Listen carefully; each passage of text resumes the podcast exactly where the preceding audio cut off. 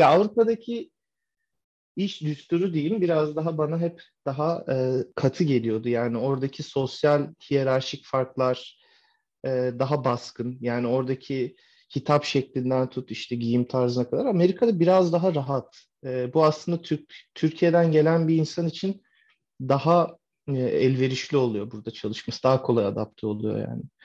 Ya dediğim gibi mesela Ast-üst sosyal ortam bir anda bahsediyorsun biraz da. ya bir a- ast üst ilişkisi de buna daha daha, Daha bugün yani bununla burada ilgili şey düşündüm çünkü bir tane dizi izliyordum da bu şeyde falan da e, burada duydum EY MY böyle işte zannediyorum yurt dışı menşeli şirketlerde mesela hanım bey olayı yokmuş. Yani Evet. direkt herkes birbirine ismiyle hani aslında üstüne falan şey Evet. yapıyordu. Benim de bugün izlediğim şeyde dizide e, yani aralarında biri diğerinin öğrencisi falan yani ama böyle şey böyle hani siz biz gibi bir şey İngilizce'de yok ya siz sen ayrı. evet Ee, ona ilişkin böyle bir kurduğu cümleden düşündüm. Yani işte böyle I swear to God falan diye böyle bir cümle vardı. Ben şeyi düşündüm. Bunu burada yapabilir misin? Bizde de tam Yok. senin dediğin tersini düşündüm tam yani saygı ya aşırı Ya bağlı bizde ast üst bizde hem çok kültürel olarak Türkiye'de. yani kü- büyüye saygı noktasında biz daha Asyalı bir toplumuz bence. Ee, bir de tabii dil farkı da senin dediğin gibi çok önemli. Ben burada ilk şeyi yaşadığımda ya bu- bunu biliyordum yani Amerika e, şirketleriyle daha önce Türkiye'deyken çalışırken ilk bir onu garipseyip kabullenmiştim ama burada en ironik şu oldu. Ee, 84 yaşında bir hocam vardı benim e, NYU'da.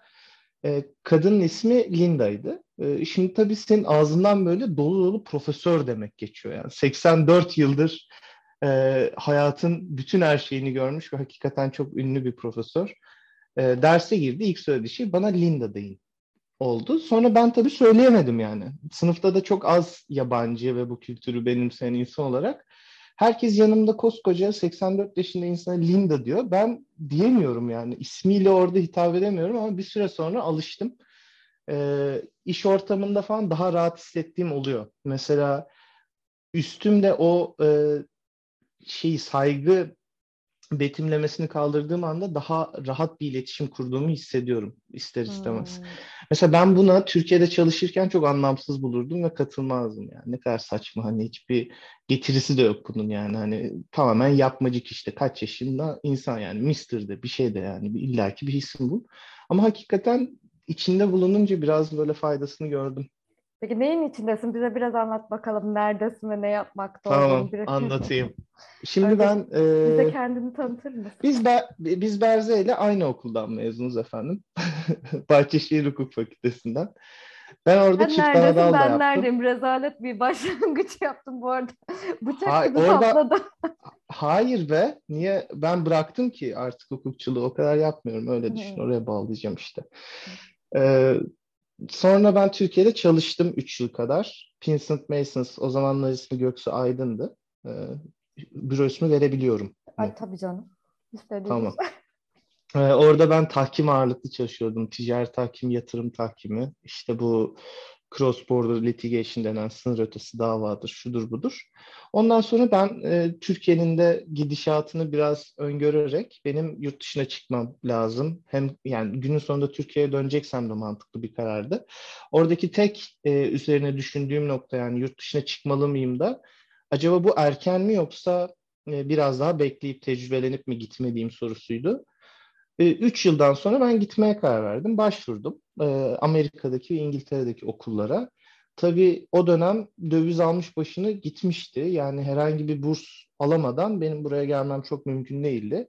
Ben işte Chevening'e, o, o İngiltere için olan bir burs, yine hükümet kaynaklı ve Fulbright'a başvurdum Amerika için. Bunların ikisinde de final mülakatlarına kaldım ama olumlu olmadı. Hmm. Sonra ben kabullerimi aldım, defer ettim. Yani ben gelemiyorum, önümüzdeki seneye kadar burs arayacağım, bulabilirsem gelirim Hangi dedim. yıldayız şu an? Şu an e, 2020'deyiz. Covid'de patladı bu arada.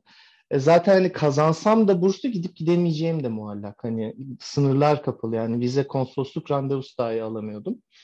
Sonra bir gün e, Osman Bey'de e, kız arkadaşımla otururken bir gün işte telefonuma bir mail geldi. Dedi e, yeni bir burs programımız var. NYU'dan geldi mail, New York Üniversitesi'nden. Refer E, ettiklerinden biri miydi o? Evet, evet. Hepsini ertelemiştim ben. Kabul aldığım okullar, e, ben çok fazla okula başvurmadım çünkü çok maliyetli bir şey. Her okula başvuru e, 100 dolara yakın bir masraf tutuyor. Hmm. Bir de tabii bunların öncesinde Amerika'ya başvuru için bunların e, merkezi bir onay kurumu var. Bütün belgelerini oraya atıyorsun. Bunlar onaylıyorlar ve orijinalliğini tasdik ediyorlar. Sonra o sistem üzerinden okullara göndermelerini rica ediyorsun o aracı kuruma. Ee, buna ELSEC deniyor. Ee, Hmm. dinleyen merak ederse. Orada da her gönderim 100 dolar. Hani e, exemption alabiliyorsun başvurarak yani hani bu ücreti ödemekten kurtarabiliyorsun ama o biraz böyle şansa. Ben işte NYU'ya başvurdum. Kabul almıştım oradan. Sonra bir gün bana e, MENA Region dedikleri işte Middle East'in Northern Afrika yeni bir program kurduk. Burs veriyoruz sana dediler. Bana e, yaklaşık o dönem 35 bin dolar okulun kendisinden burs almıştım. 35 bin dolar da bu foundation bana para verdi. Benim full tuition'ım yani bütün eğitim masrafım 70 bin dolara kadar bursa sağlanmış oldu. Ben sonra iki ay içinde işten ayrıldım. Evimi kapattım. Amerika'ya geldim. Pandemide. Ee, ve evet pandemide. Ee, 2021'e girdik. Girdiğimiz zaman. İşte Ocak ayında geldim. Sonra burada bir dönem Spring'de okudum. Ee, yazın çalışmaya devam ettim Research Assistant olarak. Sonrasında geçtiğimiz sonbaharda LLM'imi bitirdim. Ee, o dönem burada bir ofiste çalışmaya başladım. Queen Emmanuel diye yarı zamanlı olarak.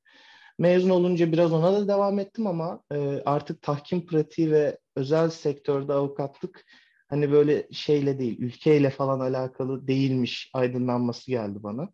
Yani ben iyi olmak, yapabilmek başka bir durum ama bundan keyif almak ve kariyerinin tamamını böyle geçirmek çok e, hoş gelmedi bana yani. Dolayısıyla ben uzun süredir ilgilendiğim böyle daha e, kamu yararına olan dernekler ya da işte herhangi bir akademik pozisyon aramaya başladım. O arada da baro sınavını verdim. Geçenlerde işte baro sınavına girdim New York baro sınavına. Geçtim. Onu daha detaylı konuşuruz. Çok insan sordu bana Zaten. eğer sen sormak istersen. Sonrasında da Kolombiya'da burada e, Columbia Center on Sustainable Investment diye bir e, merkez var. Bu merkez genelde e, gelişmekte olan ülkelerin yatırım politikalarını, işte e, yatırım hukukunu ve enerji, işte maden, inşaat gibi sektörlerin nasıl aslında uzun vadede e, insana katkı sağlayacak şekilde yani rant düzenine değil e, politikalar oluşturması gerektiğini e, gerektiği hakkında çalışıyor diyeyim. Benim de yaptığım iş burada bir iki tane research projem var. E, onlardan bir tanesi yeni fonlandı. Şimdi ona bir ekip kuruyorum. Orada da e, yeşil dönüşüm ve yatırım koruma anlaşmalarının ona etkisini tartışacağım. Bir de işte bazen Afrikalı hükümetlere ya da işte Uzak Doğu Asya'daki e, fakir e, hükümetlere ya- hukuki destek veriyoruz. Yani onların daha böyle bizim bully diye tabir ettiğimiz ülkelerle olan e, mün- ne, biraz İngilizce kelime giriyor araya. Yani ben çok nefret ederdim ama şu an böyle yaptığım şeyi düşününce başka türlü de izah edemedim. Kusura bakma. İşte bu negotiation e, phase'lerinde falan biz onlara danışmanlık veriyoruz ücretsiz. Benim de buradaki pozisyonum postdoc. Yani aslında benim işverenim Kolombiya Üniversitesi. Şu an buradayım. Bu pozisyondayım. İki yıl oldu yani. iki yıla yakın oldu New York'ta. Yüksek bitti mi? Bitti. Bitti. O da Tamam şimdi aşama aşama sorularıma geçeceğim. Çok güzel geç. özetledin. Ee, minik esas şeyi evet e, ben de en çok şeyi merak ediyorum zaten New York Barosu'na kayıt kısmını onu tek cümleyle hayatta geçirtmem sana. Ama Tamam. bir minik oraya gelene kadar birkaç bir şey daha soracağım. Bu Fulbright bursunun üst yaş sınırı yok mu? Um, vallahi bilmiyorum ama ben başvurduğumda 26 yaşındaydım. Dolayısıyla altında kalıyordum. Ee, galiba şöyle bir şey var. Mezun olduktan sonra belirli bir yıl içerisinde başvurman gerekiyor. Hmm. Onu hatırlıyorum. Yani e, bir sınır var ama bunu yani çok uzun süre önceydi yanlış bilgi vermeyeyim ama o sınırın içindeydim ben 3 yıl sonra başvurduğumda. Peki sen e, NYU'da ne okudun ve sana bu açılan burs programının o hangi gerekliliklerini sağlayıp 70 bin Ben burs programına baş şimdi şöyle oluyor. NY bu Amerika'daki okullarda ekstra olarak bir burs programına başvurmuyorsunuz. Onlar sizi kabul ederken e, size zaten bir bursa hak kazandıysanız merit based diyorlar buna. Size bir burs mektubu gönderiyorlar. Hatta ben ilk mesela e, NYU'dan 20 bin dolar burs almıştım. Toplam e, eğitim ücreti bir yıllık Amerika'nın en pahalı okulu NYU ve 71 bin dolar. Yani inanılmaz bir para. Yani bir Türk e, Türk lirası kazanan bir insan için yani bu biriktirilebilecek bir para değil. Daha doğrusu eğitime yatırım yapmaya değecek bir para değil. E, ben oradan 20 bin dolar almıştım. Sonra Cornell'e başvurmuştum. Biraz burs alayım oradan ki yarın öbür gün oradan burs alırsam bak ben Cornell'den bu kadar aldım. Sen de bana hadi onu eşitle diyebilmek için. Hakikaten de onlar daha fazla verdi. E, ekstra 15 bin de NYU tamam Cornell sana verdiyse biz de verelim gel dedi yani. Onlar için para mı? Gibi bir rakam yani o. E, öyle 35 bin dolarım vardı. Tabii ben geri kalan 35 bin doları yine karşılayamıyordum. O yüzden gidemeyeceğimi söylemiştim.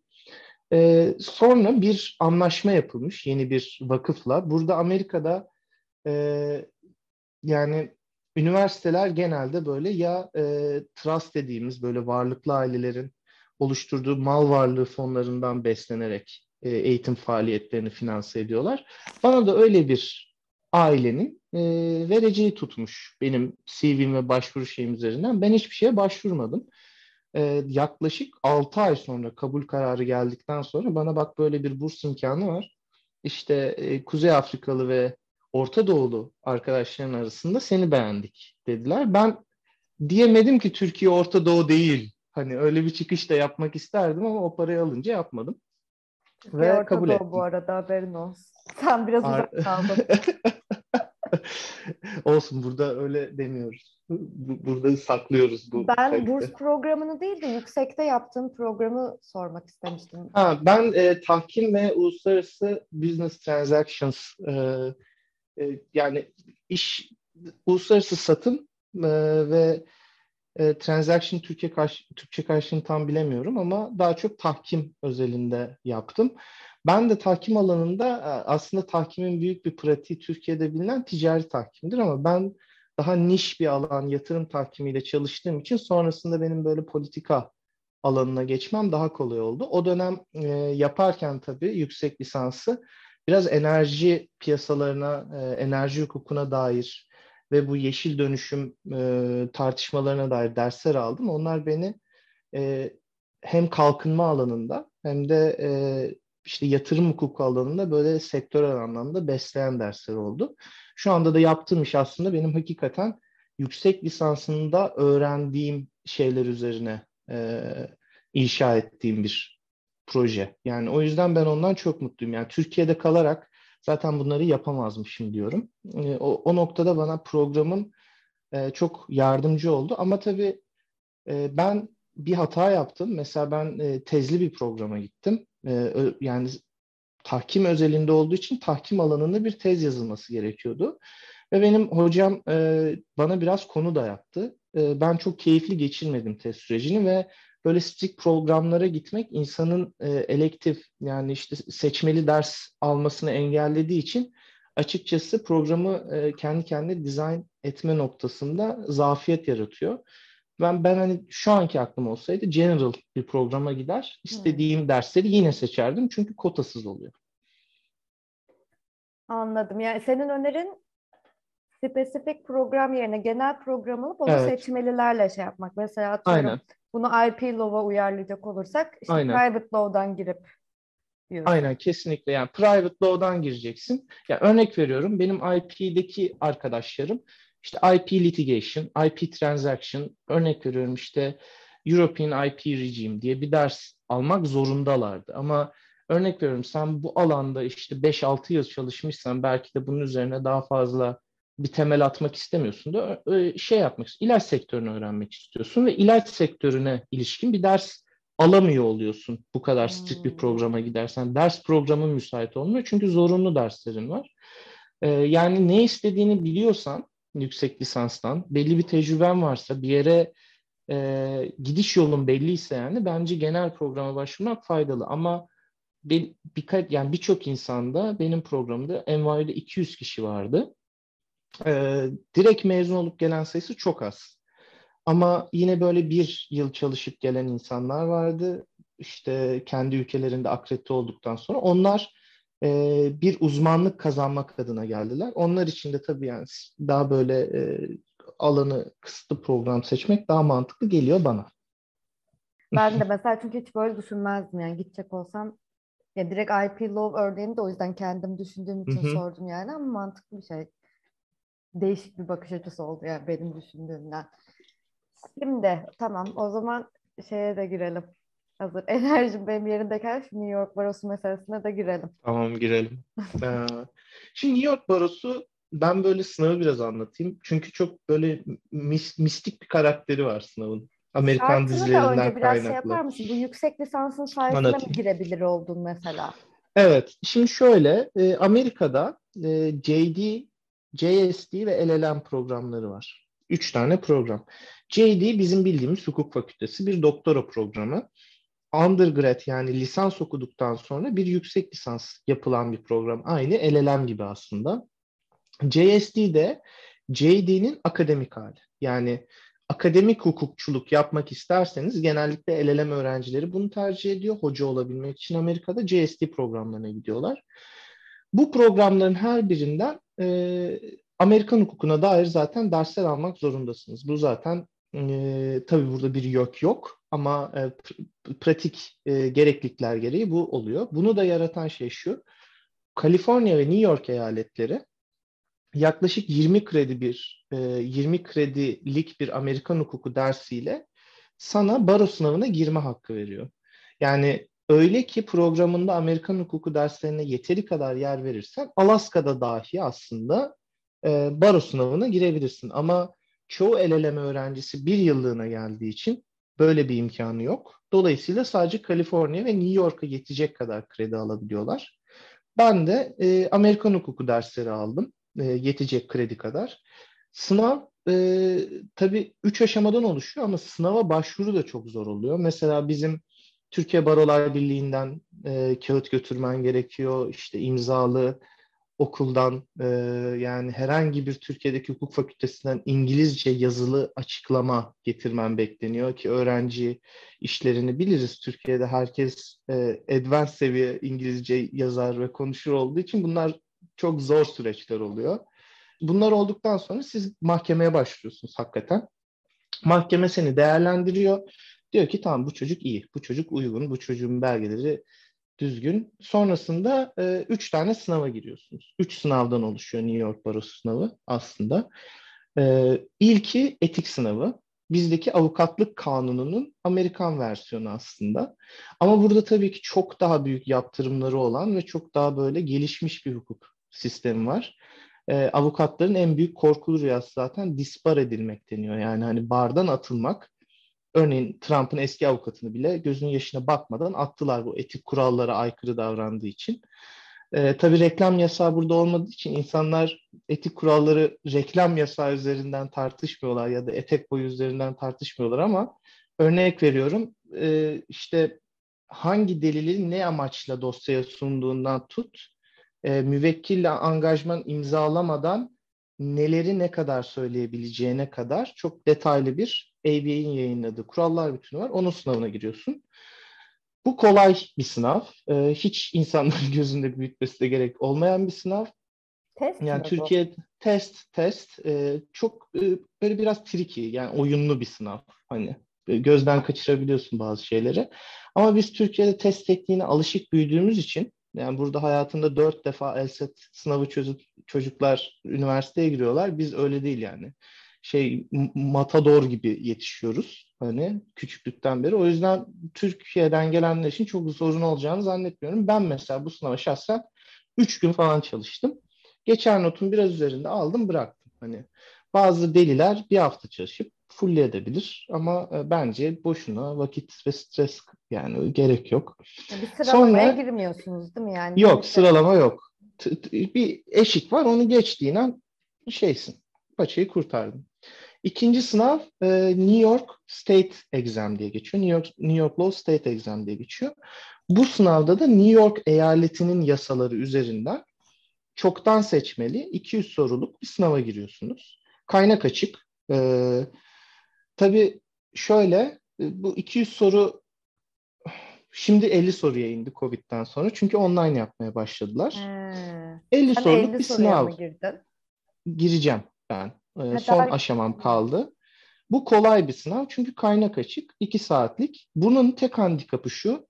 Size New York Barosu'nun zorunlu tuttuğu bir prosedür var sınava kayıt olabilmek için.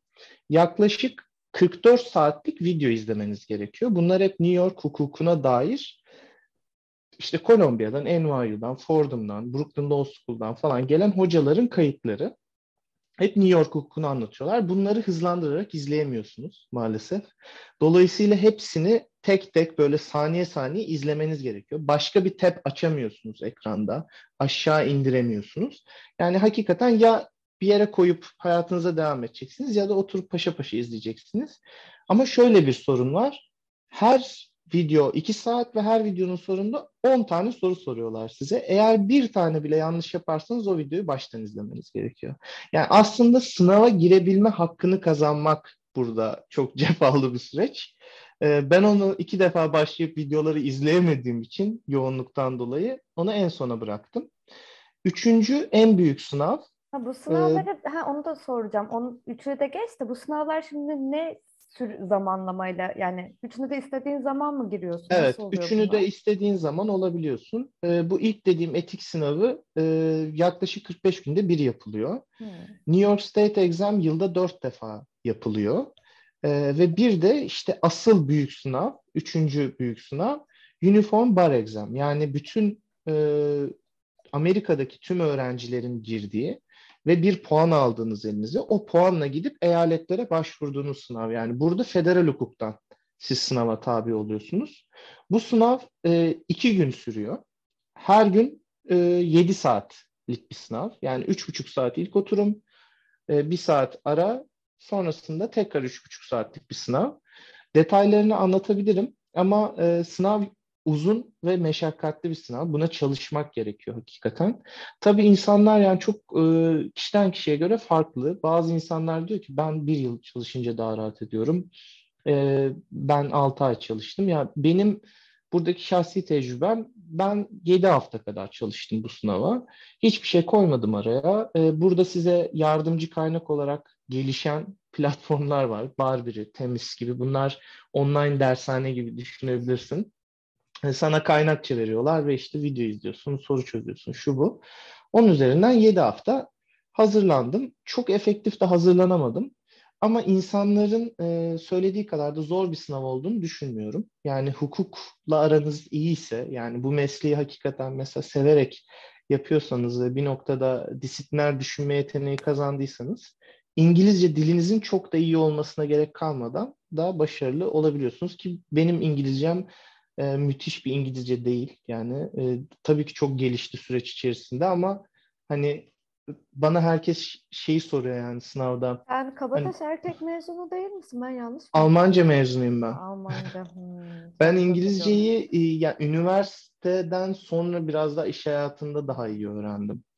Ondan önce de e, sadece işte biliyorsun 6. sınıfta falan böyle burs alırsın, özel okula geçersin falan öyle bir furya vardı ya bizim dönemimizde. Hmm. Ondan önce de devlet okulundayım. Dolayısıyla benim İngilizcem müthiş bir İngilizce değildi. Ama tabii biraz korkusuz ol- olmak gerekiyor yani bu konuda. Sınav şöyle. e, ilk bölümünde size iki tane e, bundle veriyorlar. Bu 40, 40 sayfalık bir dosya. Bu dosyanın içinde bir factler oluyor. Yani 20 sayfa size işte tanık beyanları, polis tutanağı ya da işte müvekkilinizle yaptığınız konuşmanın transkript hali. Sonrasında devamında ilgili hukuk metinleri veriliyor size, kanun metinleri. Ve sonrasında da e, yargı kararları veriliyor. Çünkü burada iştihati değer bizden farklı olduğu için onları da efektif kullanmanız isteniyor. Ve sonra 40 sayfayı okumanız yaklaşık bir buçuk saat içerisinde ve sonra o 40 sayfanın sonunda sizden şunu istiyor. Ya bir dilekçe yaz, mahkemeye sunulacak ya bir müvekkile gidecek memo yaz, advice ver Ya da örnek veriyorum bir sözleşme klozu yaz. Dört sayfalık, e, e, dört, dört paragraflık gibi. Böyle bir ödev veriliyor. E, bu iki olayı üç saat içerisinde yapmanız bekleniyor. Bu tamamen pratik ve zaman ve stres kontrolü ile alakalı bir şey. E, zor bir hukuki uyuşmazlık olmuyor. Genelde sizden beklenen o 40 sayfayı hakikaten okuyup e, sistematik bir outline, bir taslak çıkartıp ne kadar net aktarabiliyorsunuz düşüncenizi ya da bir dilekçe yazmanız isteniyorsa mesela e, örnek veriyorum argümentatif bir dil kullanmanız gerekebilir ya da işte memo yazarken daha neutral yani e, daha tarafsız bir dil kullanmanız gerekir. Eğer memoyu yazdığınız kişi bir avukatsa o kadar e, yüzeysel olmayın, daha teknik açıklamalar da yapmanız gerekebilir gibi. Hani böyle trikleri var. İkinci kısma geçelim sınavda. Yine bir 3,5 saatlik bölüm. Burada size 6 tane hypothetical soru veriliyor. Aynı bizim borçlar hukuku sınavındaki gibi düşünebiliriz. Yani hiç de bir farkı yok. E, Amerikalı öğrenciler bunlardan çok tırsıyor da biz alışığız yani. Hani bizim tüm sınavlarımız hypo üzerinden gidiyor aslında. Dolayısıyla siz oradaki hukuki sorunları tespit ediyorsunuz. Sonra bütün kuralları ezberden kafanızdan yazarak soruyu çözmeniz gerekiyor. 17 tane farklı müktesebat var. Bunun içerisinde eşya hukuku da var, e, işte civil procedure dediğimiz yani medeni usul var, e, ceza usul var, e, örnek veriyorum trustlar var, e, kontrat hukuku var gibi gibi birçok çeşitli alan var. Bunların hepsinden e, soru gelebiliyor. Ticaret hukuku var, e, kanunlar ihtilafı var örnek veriyorum. Bunları bilmeniz bekleniyor. Şansınıza hangi altı konu gelirse onun üzerinden o kuralları beynin köşesinden çıkartıp hatırlayıp hmm. apply etmeniz gerekiyor. Jamone bursu sınavı böyleydi galiba. Oradan orada çıktı. Orada da böyle piyango. Ya hakikaten zor bir konu. Ben şanslıydım e, bu konuda. Çünkü iyi bildiğim alanlardan geldi. Mesela ben ceza bilmem. E, yani düşünme disiplini de bilmem. Mesela cezanın gelmemesi benim için kolay oldu. Sonrasında da ikinci gün 200 soru 200-200 e, toplam 4 pardon 100 100 müydü 200 müydü ya hatırlamıyorum 100 yüzdü galiba 100 100 200 soruluk bir teste giriyorsunuz. O da işte 7 saat sürüyor yine. Bunlar multiple choice ez, ezberinizden bazı şeyleri çıkartıp çözmeniz bekleniyor tabii ki. Orada da belirli konular üzerinden daha limitli ama bu sefer 8 konuyla sınırlı. Onları çözüyorsunuz. Burada da yine zaman ve süre çok önemli. Çünkü e, bir test sorusu genelde yarım sayfa bizdeki Türkçe paragraf soruları gibi oluyor. Ve sonrasında bir puan elde ediyorsunuz. Bu puanla da e, en düşüğü zaten New York eyaleti. Yani geçer notun. Hmm. E, onun üzerine kalırsanız aslında York sınavını geçmiş oluyorsunuz. Çünkü diğer iki sınav çok e, yapılabilir bir şey. Sen şu an baroya kayıtlı mısın? Ben baroya daha admit etmedim. Çünkü benim işte son New York Hı. sınavım var. Ama e, baroya admit etmek de şöyle oluyor. Bu sınavı verdikten sonra ben bir de pro bono 50 saat çalışmanız gerekiyor. Son e, bir yıl diye hatırlıyorum. Staj gibi mi bu? E, staj gibi değil. Sadece kamuya yararlı bir avukatlık e, hukukçu hizmeti yapmanız bekleniyor. Ben o, onun için Washington DC'de burada bir hükümet organizasyonu var Solidarity Center diye. Genelde e, federal jurisdiction altındaki işçilere hukuki yardım veriyorlar ücretsiz e, ve oradaki avukatlara genelde yardım veriyoruz. Ben onu Türkiye ayağıyla ilgili e, çalışmalar yapmıştım. Onu saydırdım. Bu olduktan sonra başvuruyorsunuz. Tekrar mahkemeye gidiyor bu e, Albany'de. New York'un başkenti olan yer, New York eyaletinin. Sonra yemin seremonisi oluyor. O genelde bir 8-9 ayı buluyor. Yani bütün bu süreçler bittikten sonra 8-9 ayı buluyor. Sonra herkesin çok geyiğini yaptığı işte Aa, aidatını ödemiyor zaten bunları atıyorlar geyiği. Doğru. E, aidat ödemeniz gerekiyor yıllık e, New York barosuna. Ne kadarmış? Ya yanlış hatırlamıyorsam 200-250 dolar civarı bir şey yıllık. New York'ta ya, kalan için para değil. sonra ödersin ya. Ya ödersin. Ekstra ödersin. bir şey söyleyeyim. Bu yeminden sonra daha da bir stajınız falan yok herhalde değil mi? Yok yok yok yok. ya zaten bunu biraz zor yapmalarının sebebi herkese açık olması. Yani hani hemen ya ben sınava gittiğimde ne yalan söyleyeyim mesela uzak doğuda işte Asya'dan gelen insanların elinde Asyaca New York Barosu hazırlanma kitapları vardı. Bizim işte ne bileyim e, ana fen yayınları gibi falan böyle insanlar kendileri artık bunu geliştirmişler. Bu bir pazar haline de geliyor yani. Çünkü işte görüyorsun herkes LinkedIn'de çok mutlu oluyor bunu anons ederken falan. Ben de çok mutluydum. Bu bir noktada hani e, bir artık şey gibi branding gibi bunun bir şey yok yani pratik kimse gidip burada kortla hiçbir iş yapmıyor. Benim burada çalışan avukatlık yapan arkadaşlarımın da hiçbiri bil fiil kaldıkları zaman, akredite oldukları zaman herhangi bir iş yapmayacaklar. Zaten Amerikalılar bunları yapmaya devam ediyor. Siz sadece şunu göstermiş oluyorsunuz. Ben bu sistemini biliyorum. Common law prensiplerine aşinayım. Stresimi kontrol edebiliyorum. Belli bir kapasitenin üzerindeyim. Yani bu bunu sağlıyor bir tek yani. Anladım. Ben de biraz peer pressure'dan girdim yani. Hani benim yapmak istediğim şeyler çok da yani şey miydi bilmiyorum ama yanımdaki arkadaşlarım girince ben de benim neyim ya falan diye düşünüp girdim yani. Bir girmez misin bir tane ya şeye? bir korta gidip bir duruşmaz mısın? o şey yapabilirim sadece. Ee, o, o çok içimde kaldı yani. Hani e, di, böyle insanlar dinlenirken falan işte objection, hearsay falan diye böyle çıkışlar yapılıyor. Ben sadece yanda durup o ama lafı o söylemek galiba istiyorum. cezalarda çok da işin yok ama. Şeyde t- t- şeyde de oluyor. E, Yer, civil yargılamada da oluyor.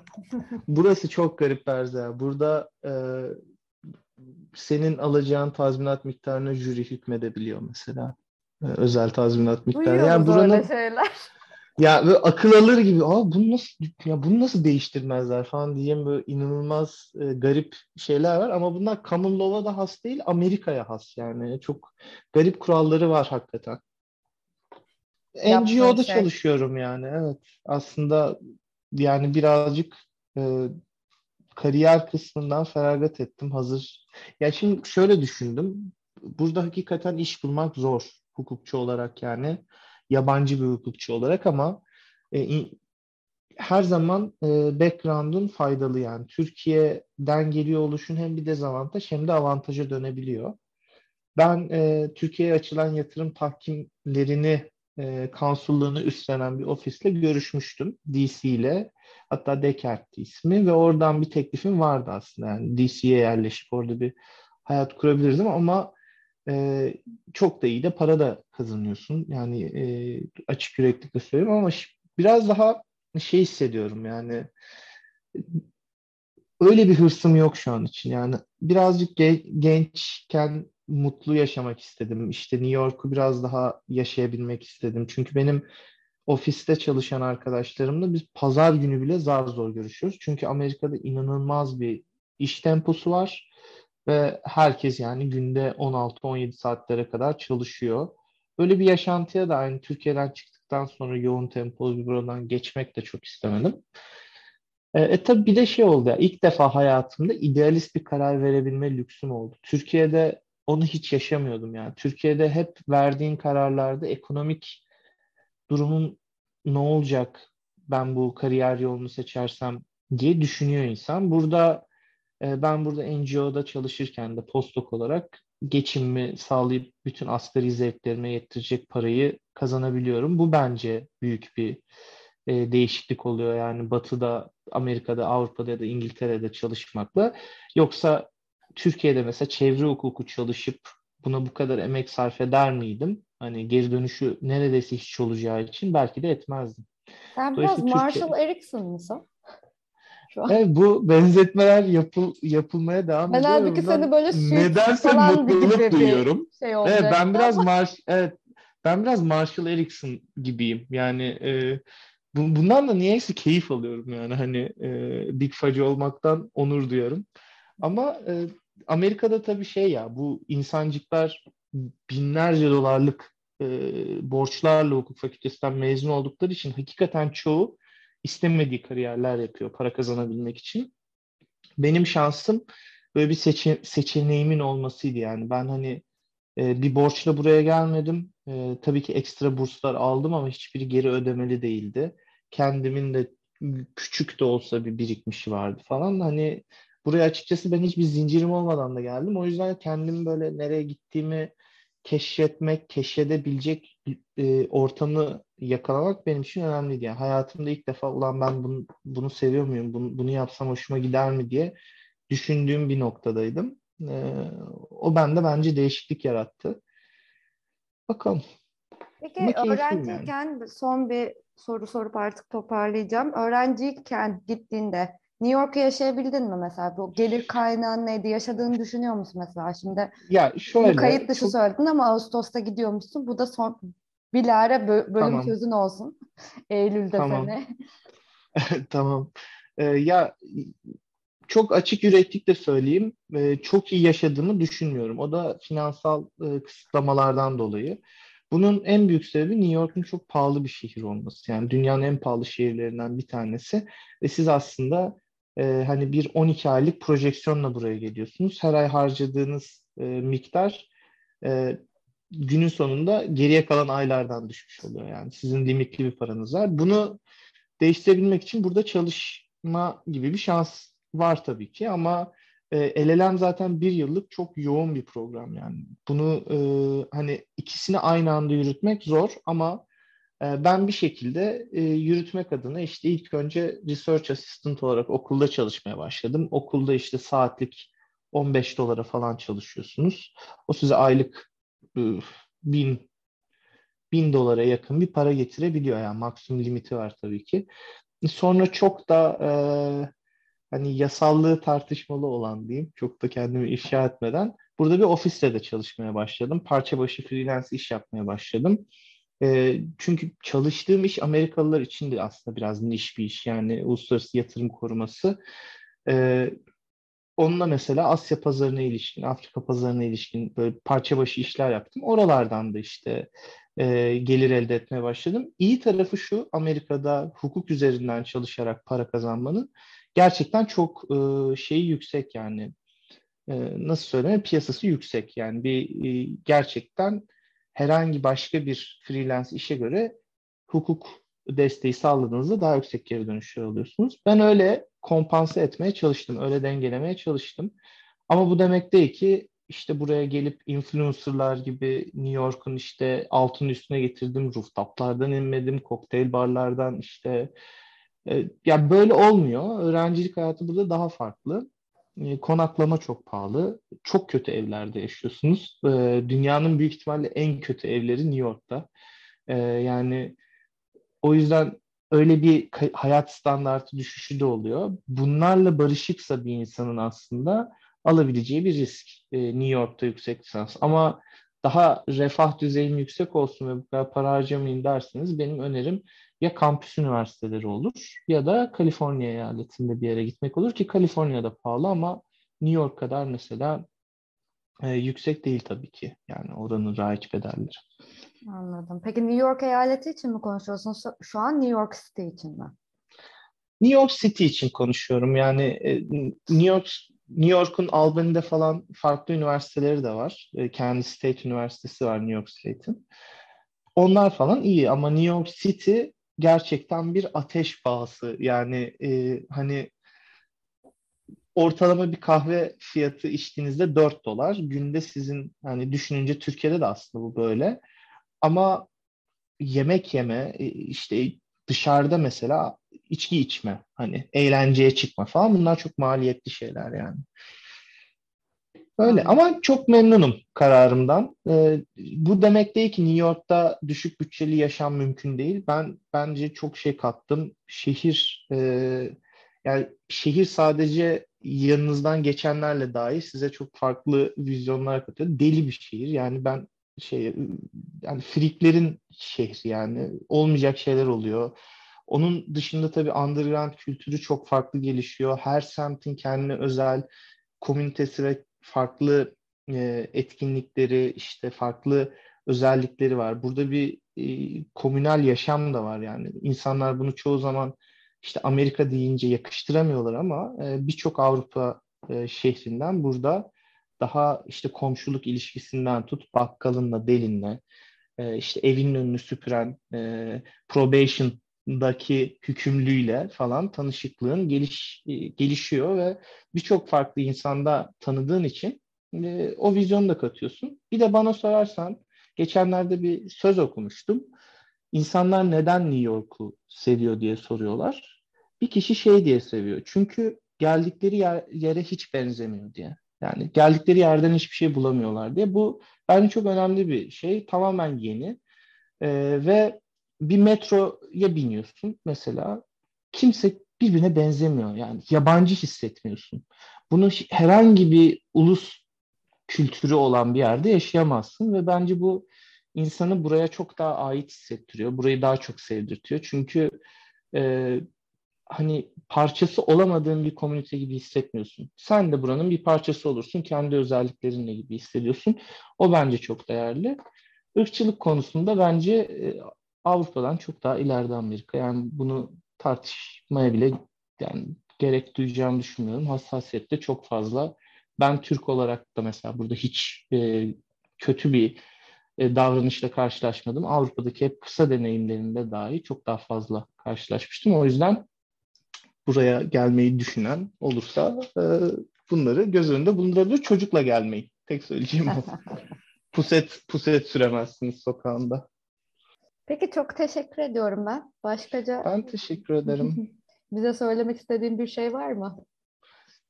Teşekkür ederim beni ağırladığın için Berze. Umarım e, ben de sıkmamışımdır. Çok böyle uzun soluklu, nefessiz konuşarak bu session'ı bitiriyorum ama e, umarım, yani bilmiyorum çok bilgi ve informatif, bilgi verici olduysa şey yani e, kusuruma bakmayın.